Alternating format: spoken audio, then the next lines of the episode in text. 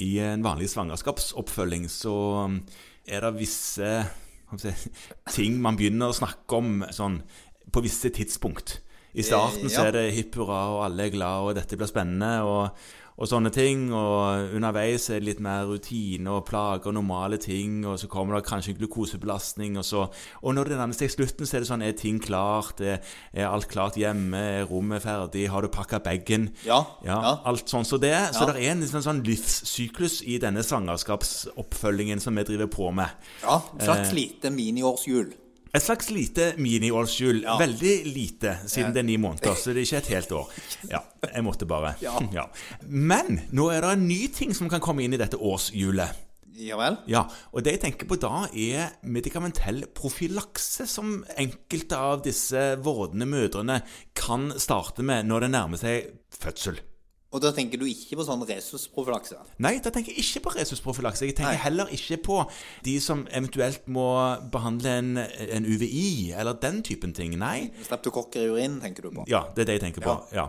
Eh, nei, det jeg tenker på nå, er en ganske vanlig virusinfeksjon som en del har. Ganske mange, nesten alle, har sånn forkjølelsesår. Eh, munnsår. Ja. Veldig mange har det. Veldig mange har det. Men en del har òg hatt genitalherpes. Ja, ja, men det, Morten, det er jo ikke en ny ting. Genitalherpes? Ja. Nei, den har vært, den har vært lenge. ja. Så, Eh. så det var derfor jeg ble litt usikker nå, for det, det, den- altså, det er jo en veldig gammel ting. Jo, men Altså, den genitale herpesen har jo vært Ja, men hvis du roer deg ned- hør nå. like lenge som ja, det, det er riktig. Det har vært like lenge som eh, man har holdt på med de eldste yrkene i verden. Ja. Antagelig. Det jeg tenker på, eller det som er nytt, da, det er at det- for de kvinnene som vet at de har hatt en genital herpes, Ja. de er det veldig viktig at ikke får utbrudd akkurat under fødselen.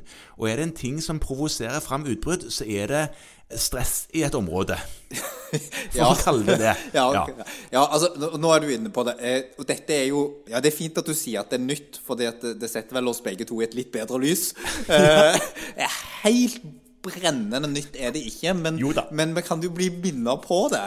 At eh, kvinner med residuerende anfall Altså, Hvis du har hatt et anfall og aldri siden har sett det, så skal det nok stilles spørsmål med om det er nødvendig å gå på profylakse i svangerskapet. Jo da, men hvis du er plaga Men hvis du er plaga, så er det god grunn til å vurdere å, å ta antiviral behandling siste ti dager før termin.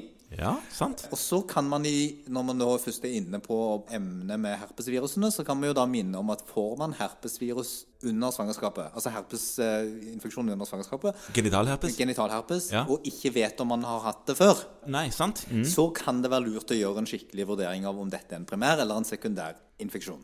Ja, hvordan gjør du det, da? Eh, Da må du ta antistoffer. Da må du ta Da må antistoffer. du ta Ja. Mhm. antistoffer, og de må tas relativt raskt, fordi at eh, da får man skilt på sånne IgM-er og IgG-er og sånn.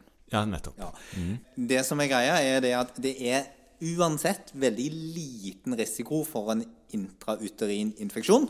Ja. Den, den er liten, bare så det er sagt. Men uansett, sekundær eller tertiær eller primær eller hva søren, så skal du jo behandle et eh, genitalt herpesutbrudd i Det svangerskapet. skal du gjøre. Det skal du Valtrex behandle. eller den typen antiviral behandling. Ja, og det er trygt, og det er fint. Nettopp. Ja, så det skal man gjøre. Og så er det sånn at hvis det er et primærutbrudd, Mhm. så skal barnelege informeres om det. Sånn at de vet om det. Ja, så Derfor er det et poeng å finne ut om det er en primær eller en eh, sekundær. Ja, så hvis de er i tvil om det, Ja. eh, så, så er det helt greit å gjøre det. Men det er ikke noe du trenger å gjøre som rutine, fordi mm, ganske mange vil kunne si at dette her vet jeg hva er, og det har jeg hatt mange, ganger- mange, mange ganger før, og Ja. den diagnosen er stilt for uendelig lenge siden, og da skal vi ikke kaste bort tid på å ta antistoffer. Nei. Og de som har mye, som sagt, der skal man da huske på å tilby profylakse før fødsel, fordi Ja. det reduserer sannsynligheten for smitte av barnet. Mhm. nå, nå skal det sies at sjansen for å smitte barnet er veldig lav ved et sekundærutbrudd. Ja, ja. Da er vi nede på kanskje sånn 3 Mm. eh, Mens ved et primært genitalutbrudd Mm. og Det er ganske sjelden, tror jeg, men, men under fødsel så er man kanskje på mellom 30 og 50 Så de Nettopp. der skal det behandles aggressivt. Ja. Ja. Men n- når vi er inne på dette, her, så er det kanskje òg en sak å nevne at for de som er mye plaga, da, Ja. mann eller kvinne, Ja.